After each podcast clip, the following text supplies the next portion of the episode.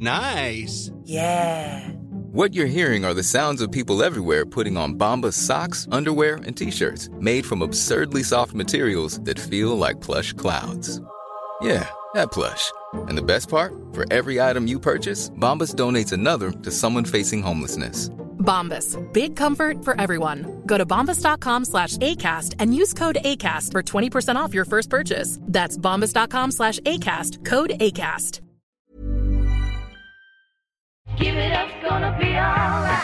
Velkommen til podkasten Helt konge. Mitt navn det er Øystein Pettersen, og jeg, jeg er en enkel fyr som har levd store deler av livet mitt i og rundt toppidrettsmiljøet i Norge.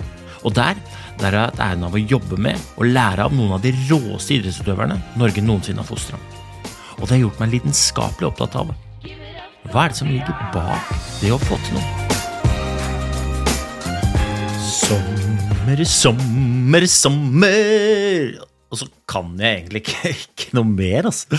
Eh, Det er ikke meninga å skremme deg. Eh, Det er egentlig meninga å kjøre en liten sånn rolig sommeravslutning på du, eh, sesong to, hvis man kan kalle dette for en sesong, utrolig moro. Altså utrolig moro at dere lytter. Utrolig moro at det er flere og flere som lytter. Og kanskje aller mest artig at dere tar kontakt, at dere svarer på meldinger, at dere engasjerer, reflekterer. Altså, jeg digger det. Virkelig, jeg digger det. Og eh, jeg kommer til å fortsette.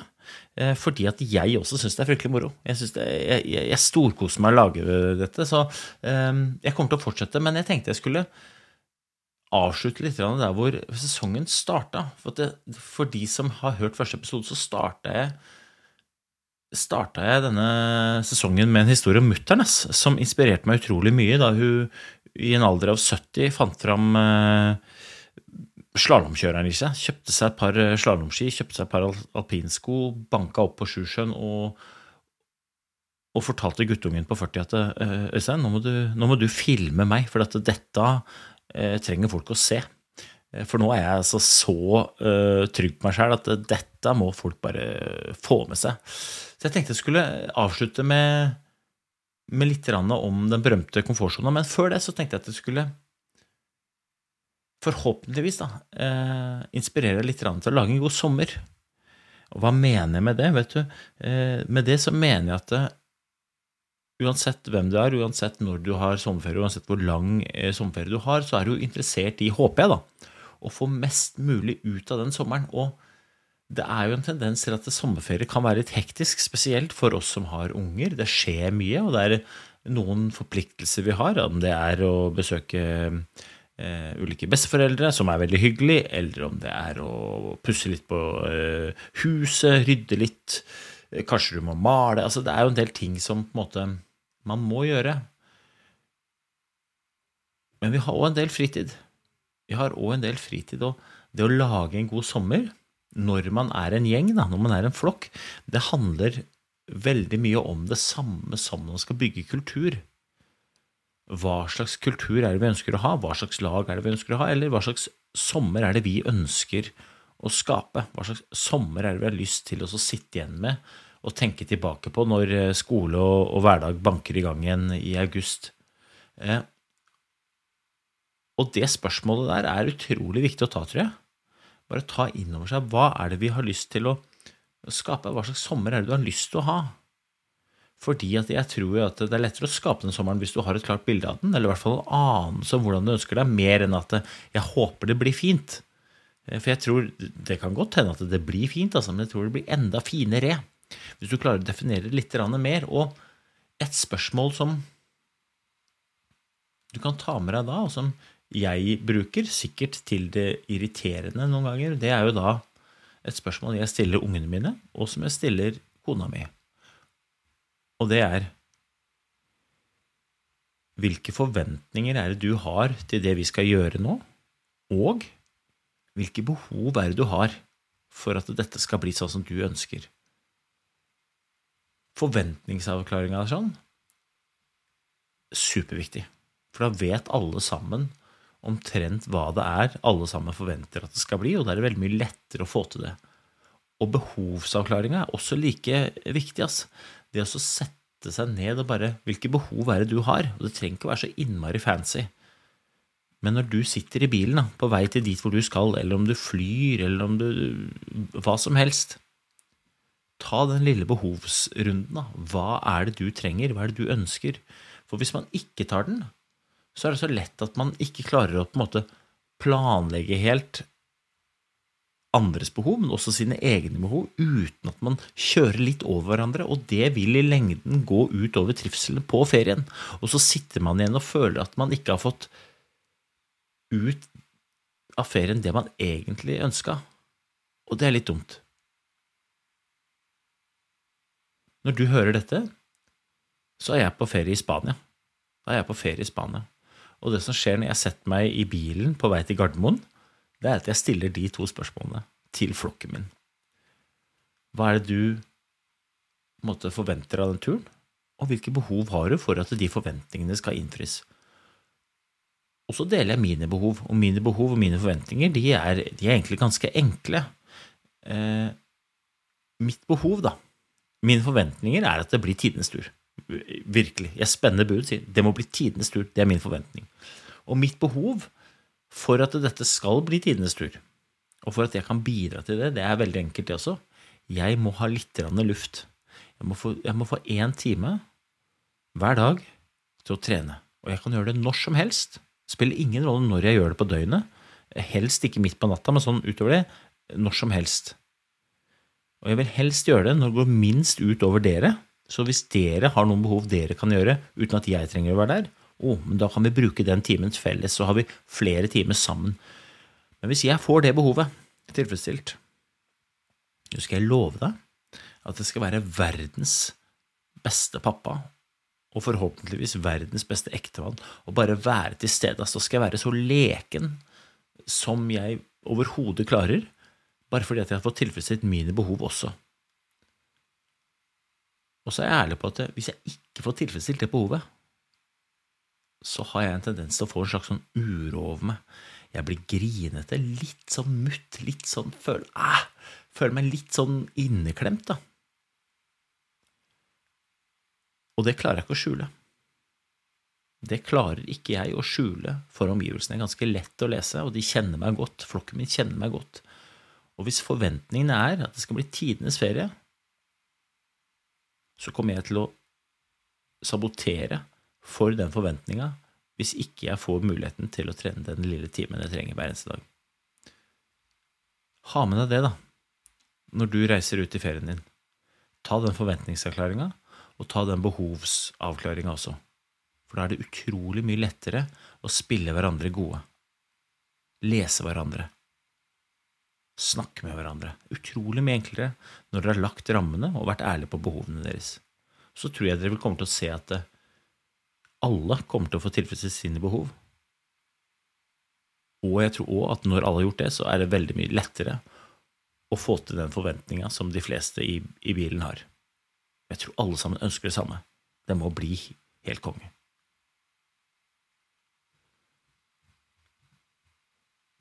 Og så skulle jeg avslutte da med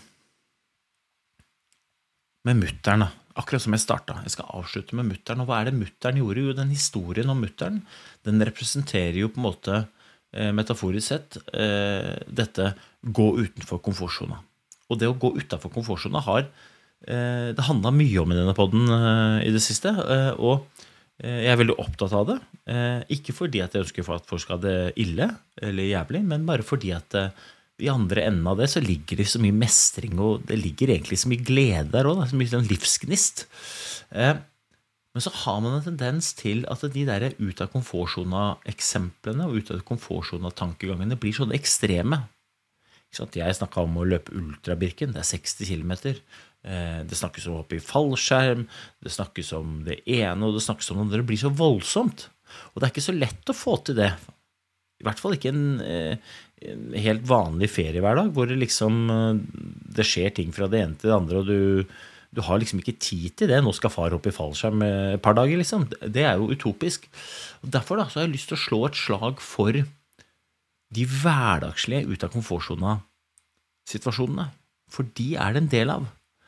Og her er det ut av komfortsona, men ikke nødvendigvis i betydningen frykt fordi at det er farlig. Men her tror jeg frykten bunner mer i forfengelighet.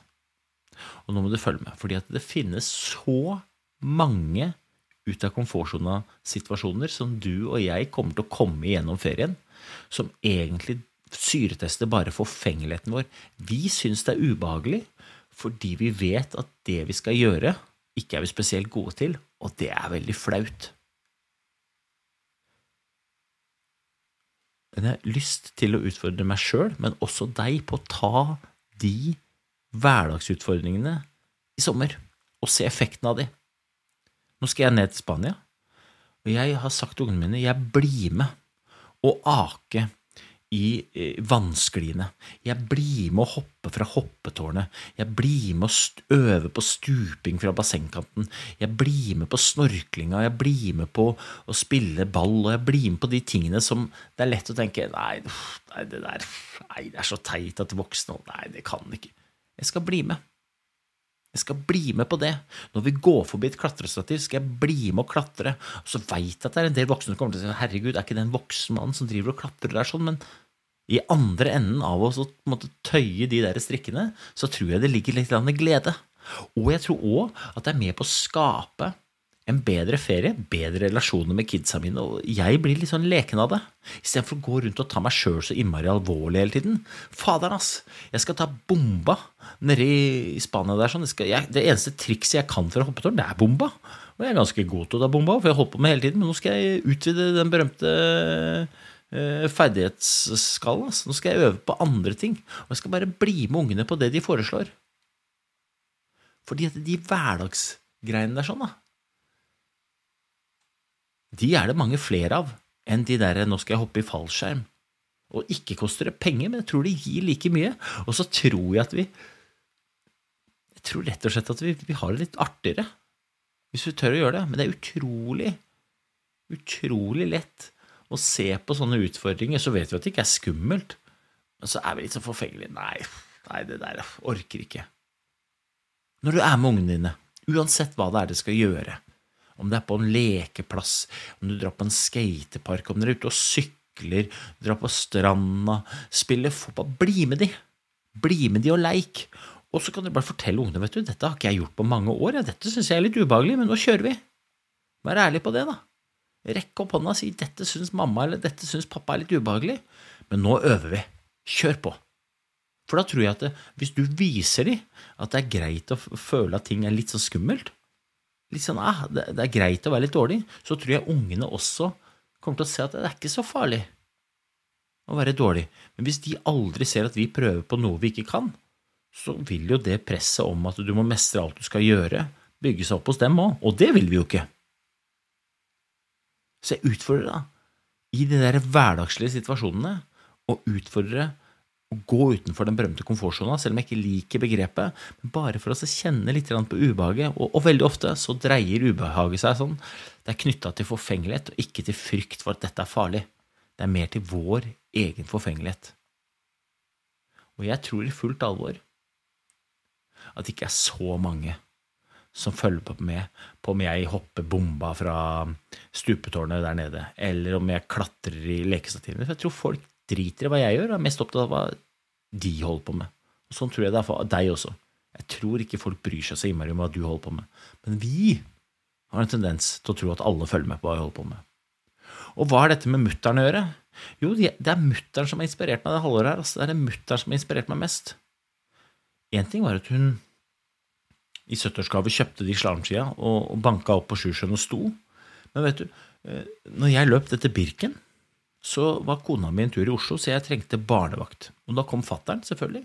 Eh, Syntes det var hyggelig, og det syntes jeg også var hyggelig, så han, han passa ungene mens jeg jogga rundt oppå fjellet der sånn, i shorts og, og joggeskoa mine. Mutter'n kunne ikke komme. Ikke fordi hun ikke ville, men mutter'n Hun hadde meldt seg på snekkerkurs. Altså, dama er 70 år, og mutter'n meldte seg på snekkerkurs. Mutter'n snekra en benk, hun. Moren min er 70 år, og har ikke snekra noen ting hele livet.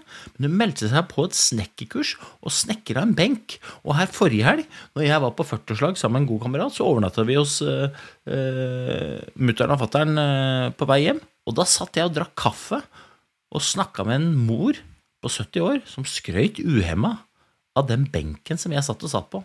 Og den var litt skakk og den sånn.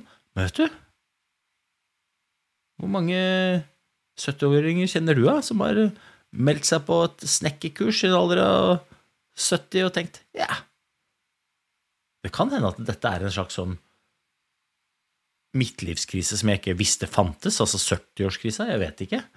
Men hvis det er det, så skal i hvert fall mutter'n vite at den krisa hun eventuelt er inne i, den inspirerer meg til å ta bomber og klatre i klatrestativ hele sommeren. Og jeg håper at du også blir litt inspirert til ikke ta deg sjøl så innmari selvhøytidelig i sommer, og være med å leike. Og så kan vi ta en oppsummering etter sommeren og bare evaluere. Hva var effekten av å klatre litt rundt i trær sammen med ungen i sommer? Hva var effekten av å ta på seg en sykkelhjelm og sykle over noen røtter sammen med ungene? Hva var effekten av å bli med på fotballspillinga? Hva var effekten av det ene eller effekten av det andre? Hvor forfengeligheten står på spill, nå må vi gi blaffen og bare gjøre greia vår.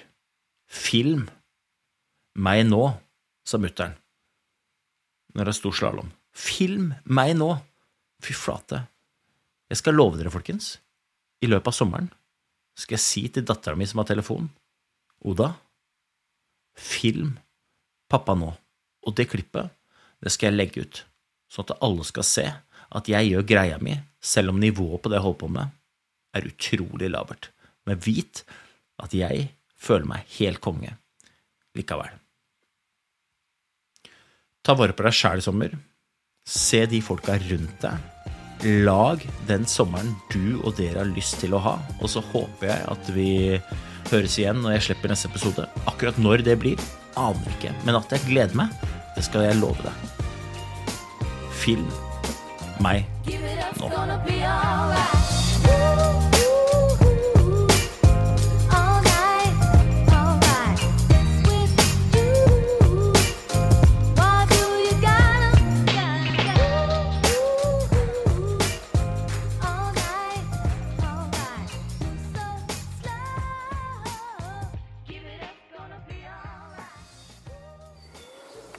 Gode dager.